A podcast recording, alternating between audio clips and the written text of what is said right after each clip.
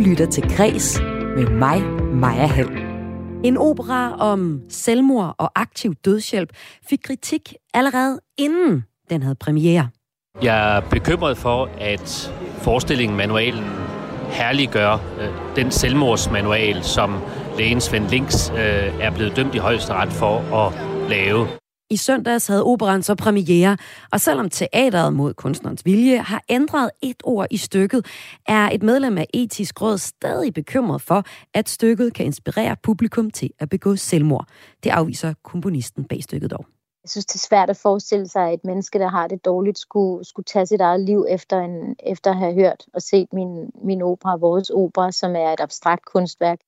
Debatten om aktiv dødshjælp fortolket i kulturen taler vi om senere her i kulturprogrammet Kreds på Radio 4, som du har tunet ind på. En udsendelse, der også skal handle om øh, aktivisme.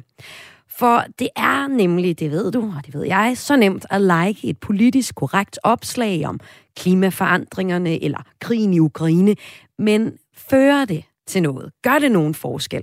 Forfatter Naya Kilji, der er aktuel med en digtsamling, vil gøre op med den hurtige online aktivisme. Altså, jeg har jo selv Instagram, kan man sige.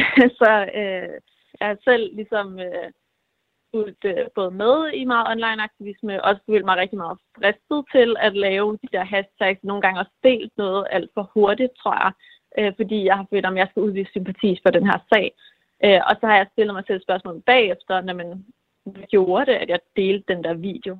Senere i udsendelsen får jeg besøg af en klimaaktivist, der genkender problemet, men også bruger de hurtige likes som opbakning til sit projekt. Men først her i kulturprogrammet Kreds skal det handle om, at Danmarks første reality-legende er død. Med bandana, brun kulør, amerikansk accent og en stor portion ærlighed var Sidney Lee god tv-underholdning. Det ved jeg ikke, det er måske bare mig, men jeg synes ikke, man kan være, komme og være helt bleg. Hvis jeg skal på date eller i byen, så, så er jeg sådan meget pyller. Kun 43 år blev Sidney Lee. Dødsårsagen er ukendt. Sidney Lee har sat et stort aftryk på dansk reality-tv og var et brand i sig selv, og det skal vi tale om først her i Kres. Velkommen til. Mit navn er Maja Hall. Sydney Hassel Hansen døde i går eftermiddags. Det bekræfter hans familie over for Ekstrabladet. Han var en legende i reality-tv, hvor han i mange år havde rekorden for at have deltaget i flest reality-programmer i Danmark. Han dukkede første gang op i programmet Single Liv, hvor han helt tydeligt var super ligeglad med janteloven og troede 101 procent på sig selv. Og det var også hovedingrediensen i hans succes.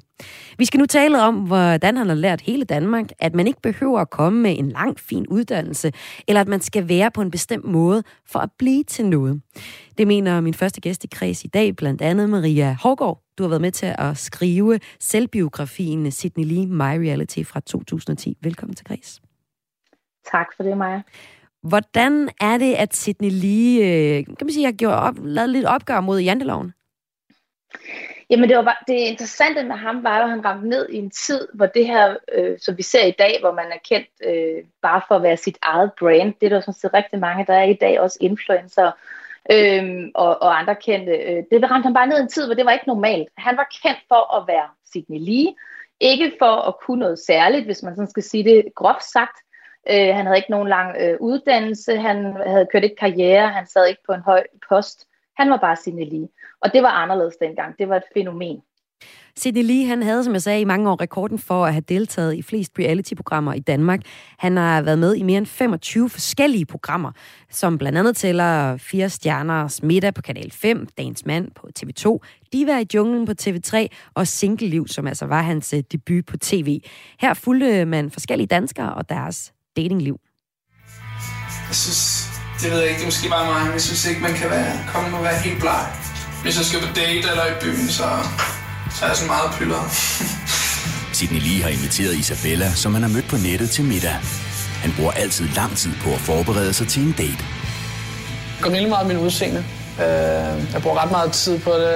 Øh, og jeg er pisselig om andre folk gør det, men for mig er det bare vigtigt. Og hvis folk øh, synes, det er forkert, eller jeg har langt over make-up og selvmord, så må de selv om. Jeg, jeg, jeg gør det udelukkende for min egen skyld, og jeg er ligeglad med andre folk synes. Jeg er ligeglad med andre folk synes. Det er vel sådan essensen af Sidney Lee. Vil du ikke sige det, Maria?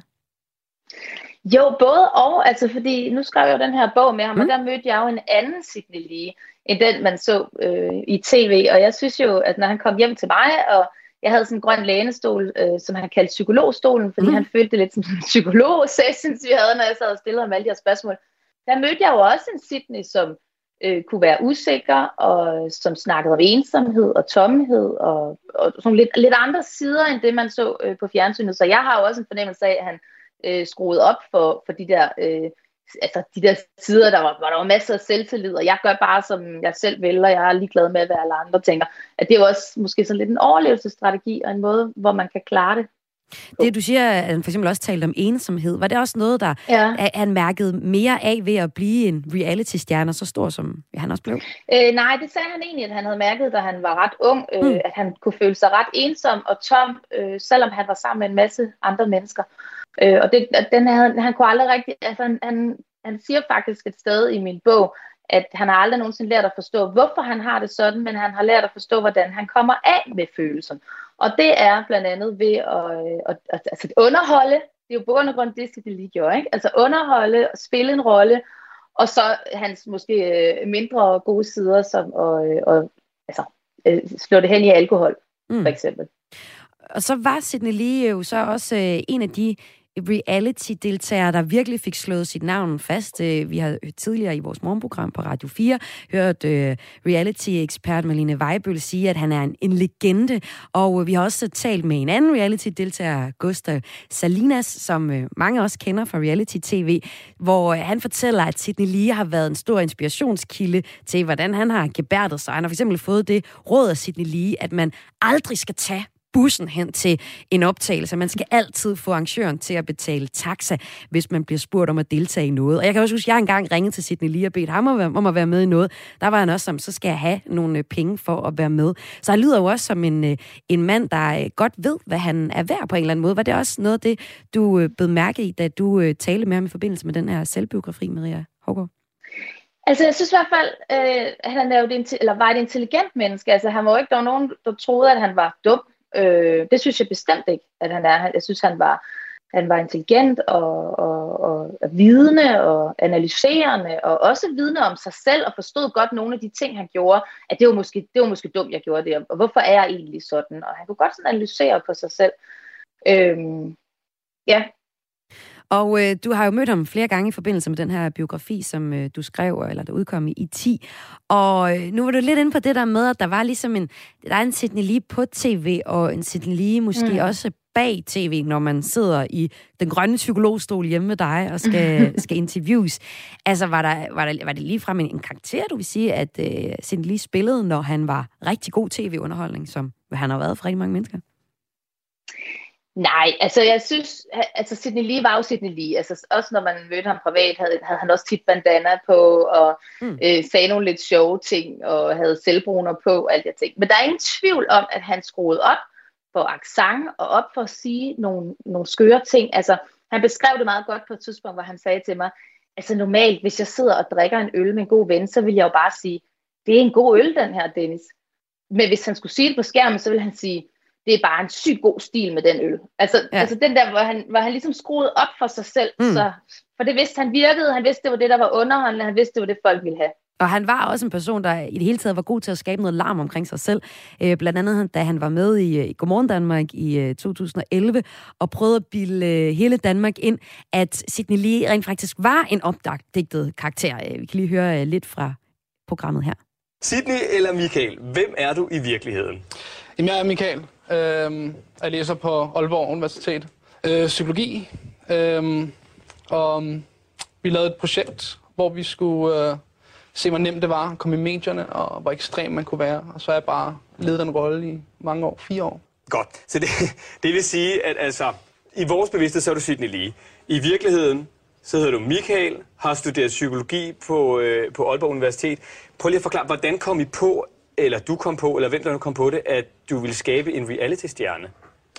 Øh, når jeg havde øh, min gode ven derude, øh, og så øhm, så vi alt. Der var Paradise og Single-liv øh, i fjernsynet, og så tænkte vi, det kunne være sjovt, fordi de får så meget eksponering. Øh, og så har jeg tidligere været god til at spille roller, du ved, øh, bare internt øh, gennem venskab. øh, kunne imitere folk og sådan noget. Så tænkte jeg at lave min egen. Og så blev det en blanding af Hulk Hogan og Mickey Rourke og Dave Mustaine fra Megadeth. Sådan helt uh, rock and roller der.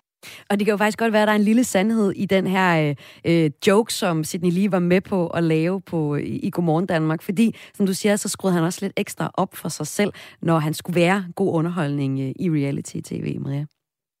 Mm. Og det viser jo også, at han ikke er dum. Altså det synes jeg jo mm. også, når man mm. kan tage pis, pis på sig selv og, og ligesom lave en tredje rolle lige pludselig og sådan noget. Ikke? Så, altså, det viser jo også, at han havde god humor og og, og sagtens skulle tænke ud af boksen og var kreativ og alle de her ting. Ja. Og det var i går øh, eftermiddags, at nyheden kom, at Sidney Lee er, er død.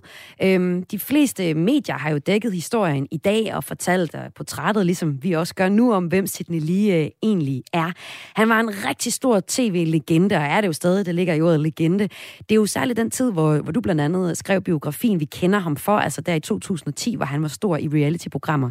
Men øh, der er også et sted, hvor øh, han har fulgt rigtig meget med. Der er et indre legebarn, som bliver beskrevet lidt her i, øh, i single-liv på Kanal øh, 4, hvor han fortæller om, om en, en side af ham selv, som han også bruger rigtig meget tid på. Så jeg vil godt kalde mig en drengerøv et legebarn. Så det siger min mor, som siger grow up, men altså, det ved jeg ikke. De ting, som jeg lavede, da jeg var 10-12 år, det interesserede mig stadig for. Det tror jeg stadig gør om 30 år, når jeg er 60. Altså. det bliver sgu aldrig for gammel til. Altså, det er ikke sådan noget, jeg er blevet sådan lidt anderledes og prøver at være sådan... Altså, det er noget, jeg altid har været, ligesom jeg gik i folkeskolen. Så bliver man måske sådan lidt loner, ikke? Men samtidig ikke en, hvad skal man sige, pretty boy. Altså, jeg... Det ved jeg ikke, jeg... Altså, jeg føler mig selv og min egen følelse. Og noget af det, han altså også gik rigtig meget op i, det var at spille gamle computerspil og sådan noget som Tekken har man kunne battle ham i. Og han var virkelig, virkelig dygtig, og hvis man kigger på Twitter, så er det også øh, det, han bliver hyldet for i gamingverdenen i, øh, i dag. Øhm, hvordan, øh, hvor meget fyldt gaming i den tid, hvor, hvor reality var det, han, han deltog rigtig meget i, dengang du skrev biografien, Marie Havgaard? Jamen faktisk så, altså vi talte ikke så meget om gaming, som man nok ville have gjort, hvis man interesserede sig for gaming. Øhm, jeg, jeg, jeg, er ikke så, eller jeg ved ikke så meget om gaming, så den holdt jeg mig en lille smule frem. Men der er ingen tvivl om, at det var fyldt meget for ham. Jeg var hjemme hos ham privat. Han havde et, et lille bitte værelse, men hvor der var øh, store spillemaskiner, øh, så det jo har været en kæmpe interesse for ham. Øh, og han har også udtalt, at han godt gad at forblive et barn, altså at lege. At han faktisk ikke har lyst til at være voksen. Tusind tak, fordi du var med her i Græs. Forfatteren bag Sidney Lees selvbiografi My Reality, Maria Hårgaard. Selv tak. Og jeg havde Maria Hårgaard med her i Kreds i dag, i forbindelse med, at Sidney Lee døde i går eftermiddags. Ekstrabladet skriver, at politiet var til stede, da Sidney Lee mistede livet, og Københavns politi oplyser til TV2, at der er indgivet en sag til den uafhængige politianklagemyndighed, DUP. Det er almindelig procedure, når der opstår dødsfald, øh, dødsfald i forlængelse af, at politiet er til stede. I øh, Følge politiet er der tale om personfølsomme oplysninger, hvorfor de så ikke har oplyst yderligere i den her sag, og DUP efterforsker øh, nu sagen. Om lidt her i kulturprogrammet Kreds på Radio 4, som du har tunet ind på, skal det handle om, at øh, ifølge en aktuel forfatter, så er der tid til en ny aktu øh, aktivisme. Og den aktivisme, den skal have mere fokus på åndelighed og på dybde. Jeg får her i kreds besøg af en øh, aktiv klimaaktivist til en samtale om at høste hurtige likes på ens demoer over for at få øh, folk til sådan reelt set at ændre deres klimavaner. Men først, så skal det handle om en øh, meget kritiseret opera. Du lytter til Græs med mig, Maja Hall. Kan man lave kunst om en manual, der instruerer i at begå selvmord, uden at komme til at forhærlige selv samme manual? Den debat tog øh, fart tidligere på foråret, da det kongelige teater annoncerede nyheden om, at de opsætter operan Manualen, som behandler emnet aktiv dødshjælp. Det øh, fik blandt andet min næste gæst her i kreds til at udtrykke sin bekymring. Medlem af Etisk Råd, Morten Bangsgaard. Velkommen til. Ja, tak for det. Det kongelige teater har selv reageret ved at ændre et ord i stykket. Det har de gjort mod kunstnerens vilje, og hvad det går ud på, det vender vi tilbage til. Men lad os lige starte med, at de i søndags der havde operan premiere, og Morten, vi sendte dig ind for at se den, og for at se, om den gjorde dig lige så bekymret som ved øh, formtalen af stykket. Inden du gik ind i operan, der optog du en bid med dine overvejelser, og lad os lige prøve at høre øh, den bid først. Jeg forventer mig bestemt en meget spændende forestilling. Jeg har hørt nogle små lydglimt og har læst om forestillingen. Og vi er jo helt inde i menneskekroppen. En menneskekrop, der ligger på sit dødsleje på det aller sidste. Vi følger nogle af de centrale organer på vej ind i døden. Og det er det meget spændende kunstneriske greb, som dygtige Louise Alenius har lavet. Så jeg forventer mig en øh, spændende forestilling, næsten et drama øh, på kanten af livet på vej mod døden.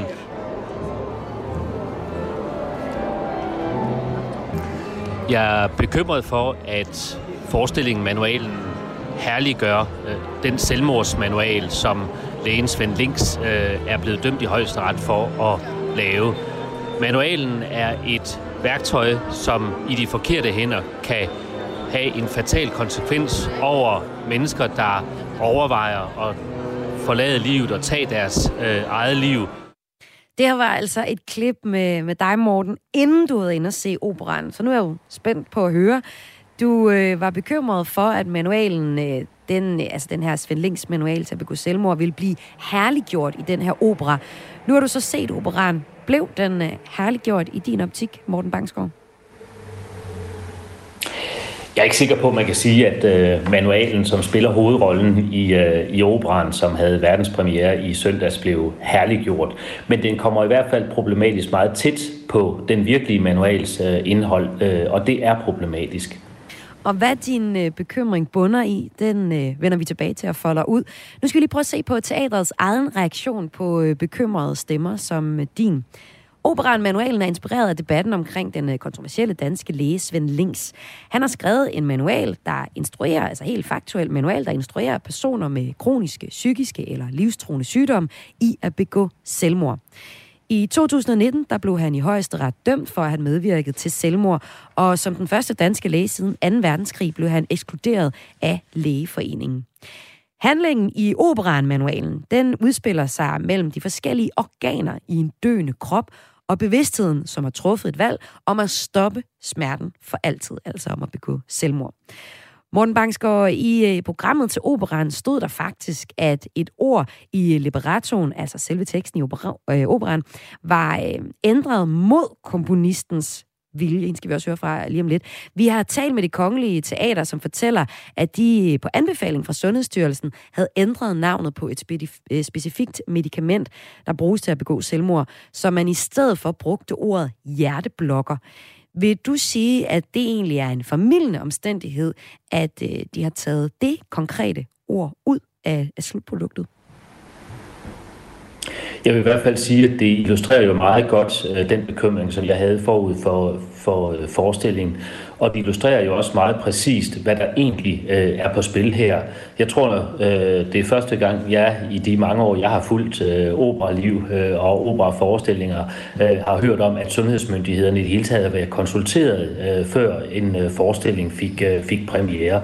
Og den øh, ændring, der er sket øh, mod øh, komponistens øh, side, vil jeg egentlig vælge at kalde en, øh, en meget nådig øh, ændring, øh, som øh, nok har et øh, poetisk øh, anstrøg, men som øh, ikke kræver øh, meget øh, fantasi til oversættelse øh, af, hvad det øh, i givet fald skulle have været. Øh, og det er jo det, der øh, præcis er det øh, problematiske her, det der bundet, eller det er min bekymring bunder i, øh, at manualen simpelthen bliver for konkret. Kommunisten bag operan, øh, hun hedder Louise Alenius, hun ønsker ikke selv at kommentere på det ord, som er blevet redigeret mod hendes vilje, da hun frygter, at det vil overskygge operans emne om aktiv dødshjælp.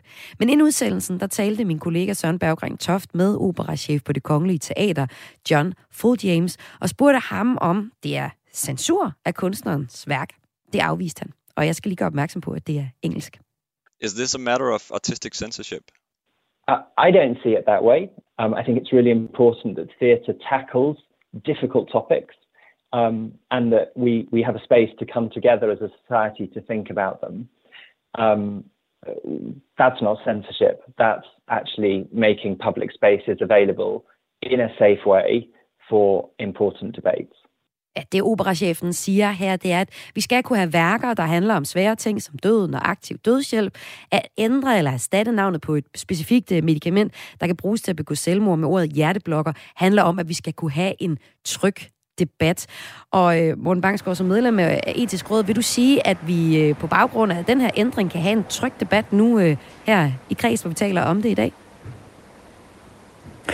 Jeg synes i hvert fald, at det, øh, som er vigtigt og også viser, hvad der er på spil, det er jo, når man øh, både læser øh, operans øh, program, øh, men også øh, de anmeldelser, øh, der er i, øh, i dagens aviser, ja, så er der øh, jo helt konkret henvisninger til, at øh, hvis man øh, går øh, i, øh, i øh, i selvmordstanker, øh, så skal man ringe til for eksempel øh, livlinjen øh, osv. Og det viser jo lige præcis, at det her øh, er øh, noget, som kan bringe et fortvivlet menneske øh, ud af øh, en, øh, en kurs øh, og, øh, og have øh, meget fatale øh, konsekvenser. Men, men Morten, hvor meget det er jo det, mere... som kunstnerne har... Øh, hvor meget mere vil du sige, der skulle øh, fjernes eller ændres i øh, den her opera, for at man øh, kunne have en, en tryg og, og god samtale om et, et værk, som øh, fortolker en, en selvmordsmanual, som den jo gør?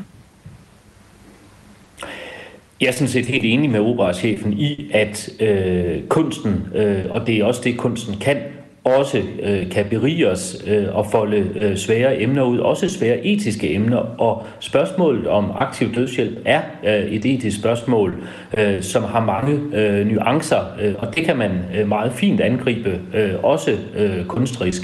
Og jeg synes sådan set, at der også er grund til, øh, hvis man skal hæve sig lidt op over øh, den, den, den konkrete debat her, og glæde sig over, at vi har fået en, øh, en meget vellykket øh, dansksproget opera. Det sker øh, virkelig sjældent. Øh, så den tematik, som øh, komponisten Louise Alenius øh, ønsker, øh, den synes jeg sådan set øh, har, øh, har vist sig, at det kan øh, bære den.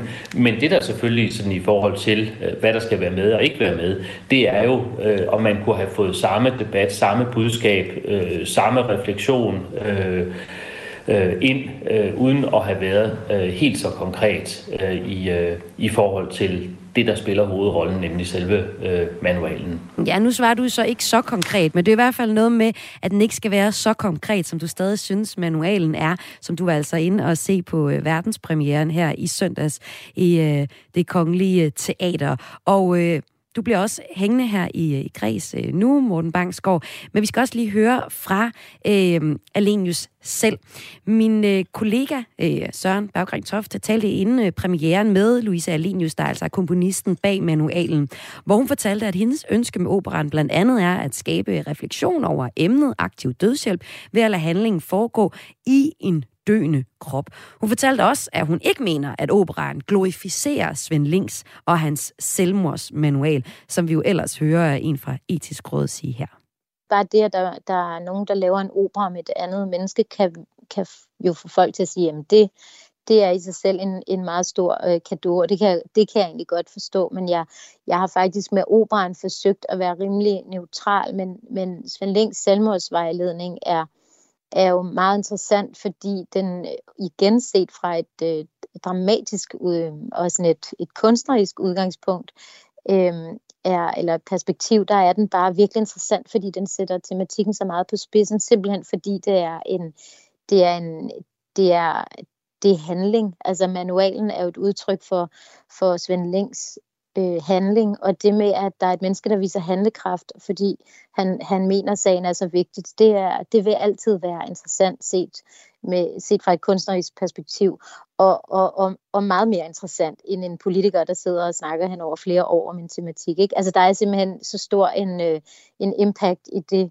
Svend Links har gjort, at, at jeg kan slet ikke komme udenom den, hvis jeg vil ind i den her tematik. Jeg kunne godt have valgt at gribe tematikken an på en anden måde, men, øh, men, men det er bare øh, det er så interessant, at der ligger en lovlig manual på internettet øh, til, at, hvordan man kan tage sit eget liv med, med de her utrolig mange øh, forskellige typer medicin, øh, samtidig med, at det er så svært at tale om. Øhm, altså der, der er bare utrolig mange interessante ting omkring det at lave operan også her, men, Men, øhm, men derudover øh, synes jeg faktisk også, der er noget smukt i de her manualer, altså øh, som sådan et, et, et begreb, altså det med, at man har manualer til at gøre forskellige ting, og så har jeg været interesseret i den her manual til at tage sit eget liv. Øhm, men, men hele det med, med, med guidebogen som, som et, øh, også et, et udtryk for, for vores tid, ikke? det der med, at vi, vi søger hjælp et andet sted for at få noget, det synes jeg er fedt at tage ind i en opera. Altså det er sådan, det, det synes jeg bare, det, det er smukt, og det er cool, og det er så enkelt på en måde. Ikke? jeg kan bruge den som en, en, øh, en, en struktur igennem min opera, som jeg så laver øh, drama omkring. Men der er sådan et eller andet omkring den her trætrins øh, raket, har jeg lyst til at kalde den, af en manual, som, som bare er sådan, den er meget tydelig og præcis og stærk, og det kan jeg godt lide at bruge de der øhm, sådan ja, det synes jeg fungerer godt i kunsten, simpelthen. Så det er jo også primært et kunstværk, skal man huske på. Ikke? Nu ved jeg godt, at det også bliver behandlet som noget, der kan skabe debat, men for mig er det jo et kunstværk øh, først og fremmest lød det her fra Louise Alenius, der har komponeret musikken til operan Manualen. Og det taler vi om her i kulturprogrammet Kreds i dag, fordi det har fået kritik, da manualen er en reel manual i, hvordan man øh, begår selvmord. Og det er altså det, der har været inspiration til at lave den her opsætning. I 1700-tallet, der udkom den tyske forfatter Goethes øh, romanklassiker Den unge Werders lidelser, hvor hovedpersonen begår selvmord på grund af ulykkelig kærlighed. Bogens udgivelse, den medførte en bølge af selvmord i Europa.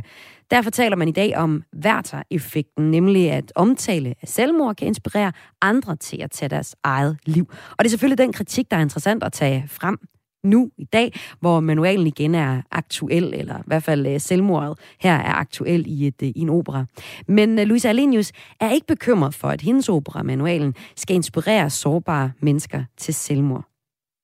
Nej, det er jeg bestemt ikke bange for. Altså, jeg, jeg, jeg, jeg mener jo, altså, jeg, jeg er den opfattelse, at man skal, man skal holde rigtig meget øje med folk, der har det svært, og i øvrigt være meget i kontakt med hinanden.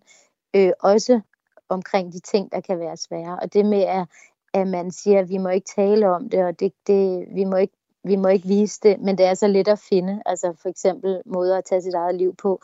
Jeg synes, den er svær her. Øhm, øh, jeg synes, det er svært at forestille sig, at et menneske, der har det dårligt, skulle, skulle tage sit eget liv efter, en, efter at have hørt og set min, min opera, vores opera, som er et abstrakt kunstværk. Øhm, uden lige at have været øh, inden forbi internettet før og fundet de utrolig mange tilbud, der ligger der om, hvordan man kan gå på nettet. Ikke? Altså jeg synes, man skal fokusere på at hjælpe de mennesker, der har det dårligt, i stedet for at, at symptombehandle. Det er jo ikke symptombehandling, men i stedet for at, at, at give kunsten skylden. Altså fordi jeg er med på, at vi historisk set har nogle eksempler på, at det er gået så galt, men i dag har vi bare noget, der, der trumfer al kunst i verden, ikke? og det hedder internet, og det hedder øh, sociale medier og måder at kommunikere på internt. Og, altså, det, det er simpelthen så meget større end kunsten, og alle er. Øhm, altså, alle er jo på, øhm, på internettet på et splitsekund. Ikke? Så det der med at sige sådan, ja, så, så er der nogen, der kommer ind og hører den her opera, så, så går de hjem og finder farmors øh, piller og tager dem. Altså, jeg, jeg synes, det er en, øh, en meget mærkelig frygt at, øh, at gå rundt med. En meget mærkelig frygt, at øh, en opera som manualen skulle øh, inspirere nogen til at begå selvmord, siger komponisten bag manualen Louise Alenius. Øh, med mig her i kreds har jeg også fra Etisk Råd Morten Bangsgaard. Du er en af dem, der var bekymret på forhånd. Det hun jo siger her, det er, at at bare fordi man ser manualen, altså teaterstykket eller operastykket her, så går man jo ikke hjem og, og begår selvmord. Er du bekymret for det? Jeg er helt enig med Alenius i, at øh, vi skal tale mere øh, om døden. Vi har jo fået opbygget en øh, næsten fraværende dødskultur, fordi døden spiller øh, så lille øh, og næsten usynlig rolle i den måde, vi lever vores øh, liv på, i takt med, at øh, vi har ambitioner om at øge vores levealder. Øh, så øh, synes jeg, det er tankevækkende, at i takt med, at vi lever stadig længere, så stiger øh, ønsket, eller i hvert fald debatten øh, om at lovliggøre øh, aktiv dødshjælp, Men... altså at afslutte livet. Altså fra 1700, øh, i 1700-tallet, da Goethe skrev sin, sin, mm. sin unge vaders lidelse, der var det jo ikke et spørgsmål om øh, at, at, at, at tage sit liv, fordi man var øh, blevet for, for gammel, øh, for eksempel. Og, og det, jeg tror, er rigtig vigtigt at forstå, når vi ender tale om de mennesker, øh, der har det svært, der overvejer selvmord. Nu fik vi selvmordstallene her for, for nylig. 11.000 selvmordsforsøg øh, om året, heldigvis kun, øh, men stadigvæk mange, 600, øh, der, der vælger at tage deres, øh, deres eget liv om øh, Men Morten om Bangsgaard, hvis jeg lige må gentage mit spørgsmål. Er, er du, øh, efter at have set øh, operan her, som Louise Alenius øh, har stået for musikken øh, bag, er du så bekymret for, at der er nogen, der kan begå selvmord, fordi de har set den her opera?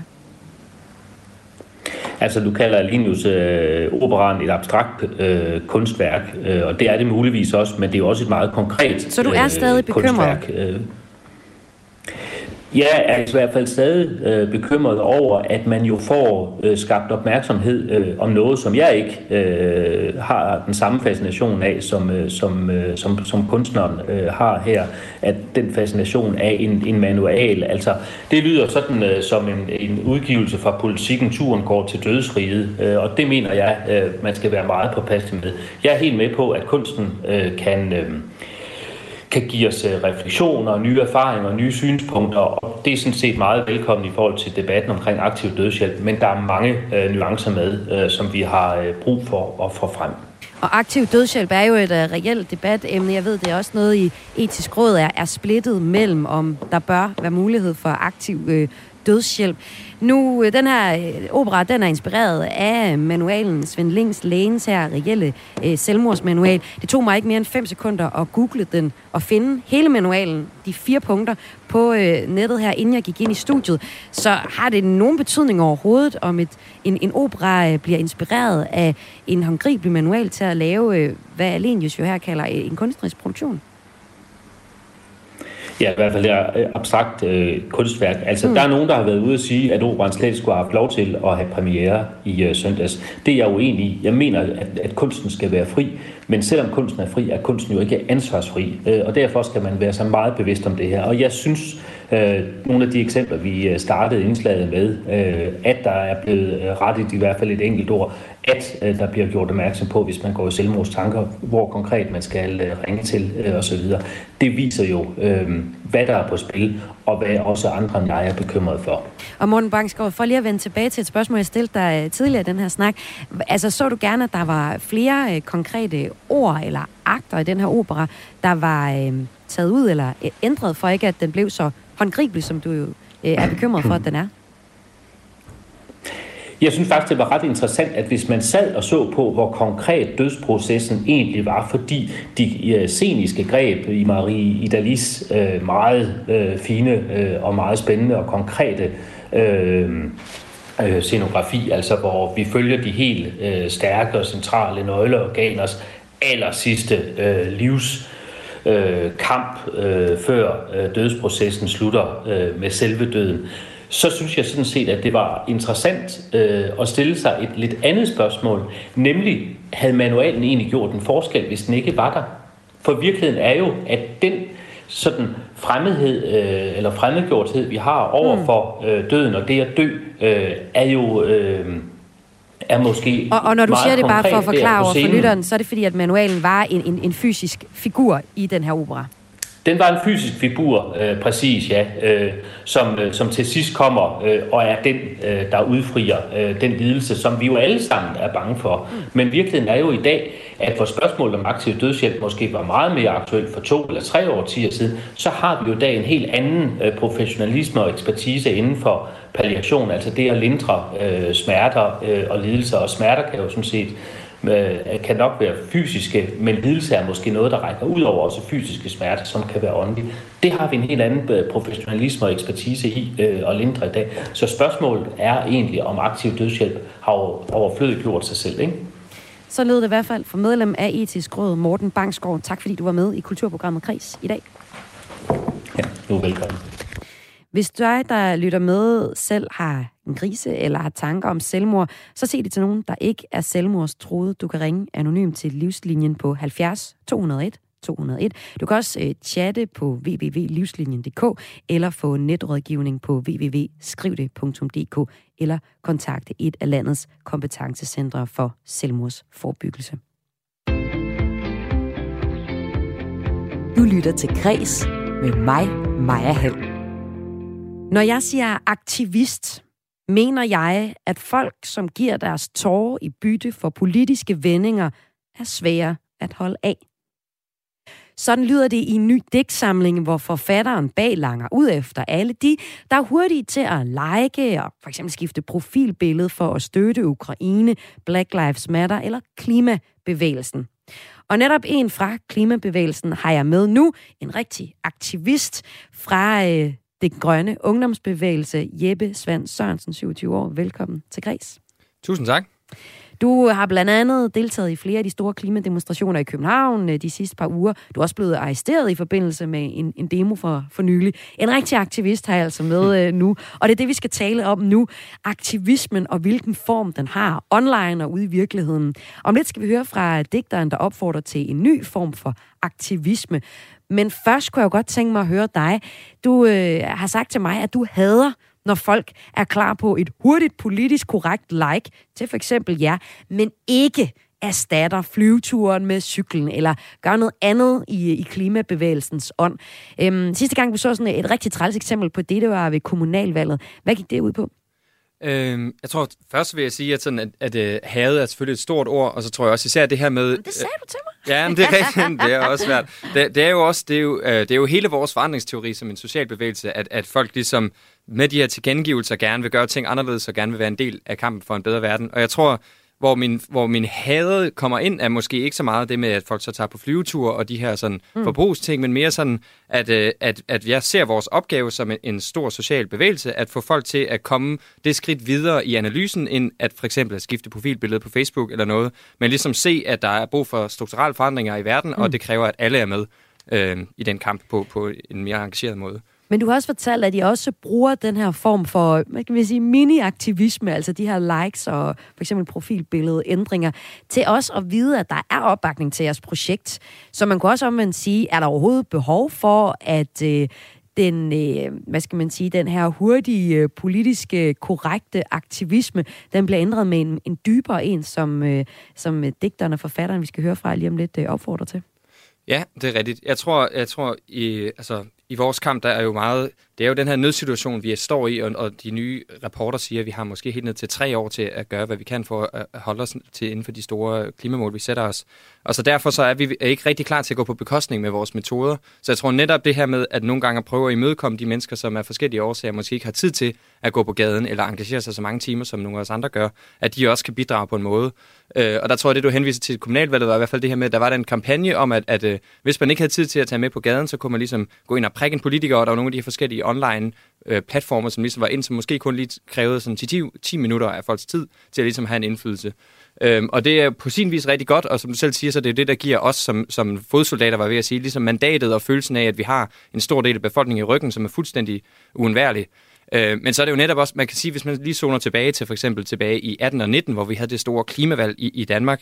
Hele den her bevægelse, der var på det tidspunkt, det startede jo også med, med en online øh, kampagne, kan man sige. Greta Thunberg og Fridays for Future, der gik ud og lavede de her hashtag øh, fredagsstrækker for klimaet, og startede der og udviklede sig til, at vi pludselig i København var 40 50.000 i gaderne, og det blev det her klimavalg. Så det kræver jo, altså nogle gange starter det måske der, og kan det ligesom være skubbet til en folkelig bevægelse, som, som engagerer sig på en anden måde. Så det skal man være åben for, føler, føler jeg i hvert fald. Og grunden til, at vi her i Kulturprogrammet Kreds øh, i dag ser nærmere på aktivisme, det er, at digteren øh, Naja Kildi har udgivet en øh, samling spoken word, word-inspireret digte under titlen Læg en besked. Og øh, her lægger hun op til, at vi skal dyrke, hvad hun kalder åndelig aktivisme. Jamen, det, der har fået mig til at bevæge mig ud i det, jeg kalder åndelig aktivisme, øh, sammenlignet med den type aktivisme, jeg har været en del af tidligere, øh, det er, at jeg har ligesom undervejs under min egen rejse i aktivismen opdaget, at der er nogle ting, der ikke helt spiller. Øh, det er rigtig svært at have det godt, synes jeg, når det er, at man prøver at øh, fokusere på de øh, ting, der er galt i vores samfund. Øh, og når der også er et miljø omkring, at øh, når vi skal bare give alt, hvad vi har for at, øh, at gøre det her samfund bedre, så er det lidt svært at passe på sig selv. Øh, så for mig har åndelig aktivisme ligesom stået i kontrast øh, til den sådan lidt, øh, det pres, der kan være omkring aktivismen. Øhm, og grunden til, at jeg kalder det åndelig aktivisme, det er, at øh, jeg har fundet en del inspiration i min egen tro, øh, hvor et af de grundprincipper, jeg virkelig bygger min aktivisme på nu, det er, at forandringen ikke kommer udefra ind, men den kommer indefra ud. Øh, fordi vi har så travlt med at sige, vi skal ændre samfundet, vi skal ændre kulturen, vi skal ændre de her ting. Øh, men jeg tror godt, vi kan glemme, at vi er jo samfundet, og vi er kulturen, og vi er ikke hævet over at øh, være en del af problemet også. Øh, så hvis det er, at man ikke starter med sig selv og sit lokalsamfund, så tror jeg, det er rigtig svært at gå ud og gøre noget i verden. Og det er et åndeligt princip, som er meget velkendt i den islamiske tradition, og jeg tror som også er kendt i de fleste store åndelige traditioner, at man ligesom starter indefra, både med at mestre sit eget ego, så man ikke går ud og møder hårdt mod hårdt, øh, men også ved at øh, stå i andre menneskers tjeneste, og det starter øh, med ens familie, med ens naboer, ens lokalsamfund, sådan så det kan brede sig som ringe i vandet, i stedet for at øh, man i ideen skal ud og rette op på et eller andet samfund, imens ens nabo er ensom eller ked af det, eller hvad end det kan være. Der er sådan lidt et paradoks eller en konflikt der, hvis man kan sige det sådan. En konflikt eller et paradoks, siger her Naya Kilji, og øh, fremhæver, at øh, forandringen kommer indefra og ud, og vi skal starte med os selv. Det er i hvert fald hendes pointe, som øh, hun har, som er en del af den digtsamling, som hun er aktuel med i dag. Jeppe Svend Sørensen, du er med her i Kreds i dag også, og du er klimaaktivist. Er det behov for, at man, at du som aktivist, måske arbejder mere med dig selv og egne vaner som aktivist, end at, øh, at være til falds for hurtige politiske, korrekte likes og store events, hvor I bliver øh, fængslet eller et eller andet. Helt vildt. Øh, ja, helt sikkert. Jeg synes, det var rigtig flot at høre det her fra Naja. Det synes jeg er enormt relaterbart og, og virkelig, virkelig et vigtigt øh, budskab. Jeg tror, altså, der er ligesom lidt nogle forskellige ting i det her, føler jeg. Der er i hvert fald der er den her snakker om, om noget, som jeg også hører lidt som bæredygtig aktivisme, at man ligesom skal være den forandring, man gerne vil se i, i samfundet, og derfor heller ikke skal, skal løbe hovedet ind i muren i det her med, med, med ejerskab og stress og, og over hvad sådan noget, forventninger til sig selv og andre. Uh, og det er helt sikkert noget, jeg kan genkende, og noget, der er helt vildt meget behov for i aktivistiske kredse, og som måske også kan virke... Hvorfor en, er det der ikke? Øhm, altså, det er, altså lige nu, nu kan jeg kun snakke ud fra, fra, fra klimabevægelsen i, i Danmark og fra den grønne ungdomsbevægelse, at der, der er vi jo, altså selvom vi er mange og vi bliver flere, så er vi ret få om opgaven, og vi, og vi får rigtig, rigtig meget ansvar og rigtig mange muligheder for at gøre ting på alle mulige forskellige fronter. Så folk er vidderligt bare rigtig, rigtig travle for, at vi kan nå alle de ting, vi gerne vil. Øh, og det er jo farligt, fordi at man så netop bliver en, en stresset person, som måske både øh, mister lidt øh, hvad sådan noget, perspektiv, eller mister lidt øjnene på bolden, for at det, vi er gang i, det er jo netop at være et udtryk for, at vi tror på en anden verden, og vi tror på en bedre verden, og den netop ikke indebærer øh, stress, og den netop ikke indebærer, at vi, som, som hun kommer ind på, sådan negligerer vores naboer, eller vores venner, eller os selv, og, og ligesom kører i seng på den måde. Øh, så, det, så det kan jeg virkelig, virkelig relatere til. Og mm. så er det, er det jo også ja, den her forståelse af netop utopi, eller netop at, at, ligesom, at, øh, at gå ind i den her kamp med, med øh, en form for, for tro og håb, og ligesom projektere det ud af til ved også at være et, et menneske, som indebærer de kvaliteter. Det, det øh, kan jeg virkelig ikke genkende det. Og, og som en del af klimabe, klimabevægelsen, så har mm, jeg i hvert fald også den øh, forestilling, at du også har det på den måde, at øh, der er nogen, der skal ændre noget, der er noget udefra, der skal gøre noget, men du citerede jo faktisk selv lige øh, Gandhi, som har sagt, you must be the change you wish to see in the world. Ikke? Jeg kan også tage Michael Jackson fat, ikke? Øh, man in the mirror. I'm starting with the man in the mirror. I'm asking him to change his ways. Hvorfor tror du, at aktivisme ofte kommer til at handle om den meget visuelle protest, hvor man sidder i uh, futtog, og om nogen bliver, bliver fængslet. Hvorfor er det, det, det tit ender i det? Eller jeg, kommer til det? Jeg kan, det, det er rigtigt, og jeg tror, jeg tror det, på nogle måder er det, en, er det en fælde, og på nogle måder er det et stærkt symbol, føler mm. jeg, fordi at det, det er Altså netop når man siger det her, hvad er den forandring, du vil se i verden, så, så vores analyse af den her krise, og så det, som eksperterne for, for guds skyld kalder på, det er, at vi skal flytte fokuset på de forbrugsbaserede øh, ændringer i samfundet. Det skal ikke være, fordi vi skal ikke ud og fortælle en historie om, at den måde, vi alle sammen løser klimakrisen på, det er ved i genbruger jeres sugerør og spiser mindre kødbarer. Det skal også ske, men det handler om, at vi skal lave store strukturelle politiske ændringer i vores samfund hurtigere, end det er blevet gjort i menneskelighedens historie. Så derfor kommer de her gamle øh, de her gamle kulturbilleder, netop af, af folk, der sidder i, i, og bliver arresteret, eller folk, der står i gaderne med skilte, bliver ligesom en udtryk for, for, for den politiske sådan, æstetik og sprog, vi har mm. øh, som fælles forståelse. Så det er jo derfor, vi ligger os derover mere end den anden. Så, så når jeg skal ud og, og, og, og prøve at, at reflektere det, jeg håber, at, øh, at, at folk vil, vil være med på, og den verden, jeg hellere vil se, så er det netop at vise, at jeg, jeg er en menneske, som har lært om den her krise, øh, og er blevet enormt øh, berørt og bekymret af den fremtid, jeg og verden går i møde, og, og bruger mig selv som en eller anden form for politisk agent, mm, eller ser mig mm. selv som, som en form for forandringsskaber. Ikke bare ved at spise mindre kød og gøre de her ting, men at, at, og ved at organisere mig og kræve øh, det mere fra, fra de folk, der har den magt og, de, og den øh, indflydelse, som, som der skal til at, at ændres. Og, og Naya Kiljay, øh, som, øh, som vi taler om udgangspunkt i i dag, hun øh, har også selv haft nogle af de refleksioner, som øh, du siger her. Øh, det hun blandt andet reflekterer over i sin digtsamling, det er, øh, hvordan man får noget mere dybde i aktivismen. Det her med, at man er rigtig hurtig til at retweete noget, der er politisk korrekt, men om hvor meget det reelt øh, ændre. Hun øh, kunne godt tænke sig, at øh, ja, alle aktivister har jo ikke altid haft tid til at sætte... Altså, vi kan jo alle sammen blive hurtigt blive aktivist ved at retweete noget, men har man egentlig haft tid til at sætte sig ind i, hvad øh, sagerne står for, og, og hvad de egentlig er fortaler for, mm. dem man, man retweeter. Prøv lige at høre øh, Nej Kildi forklare det her. Ja, jeg vil sige, at jeg savner noget øh, dybde i aktivismen i dag.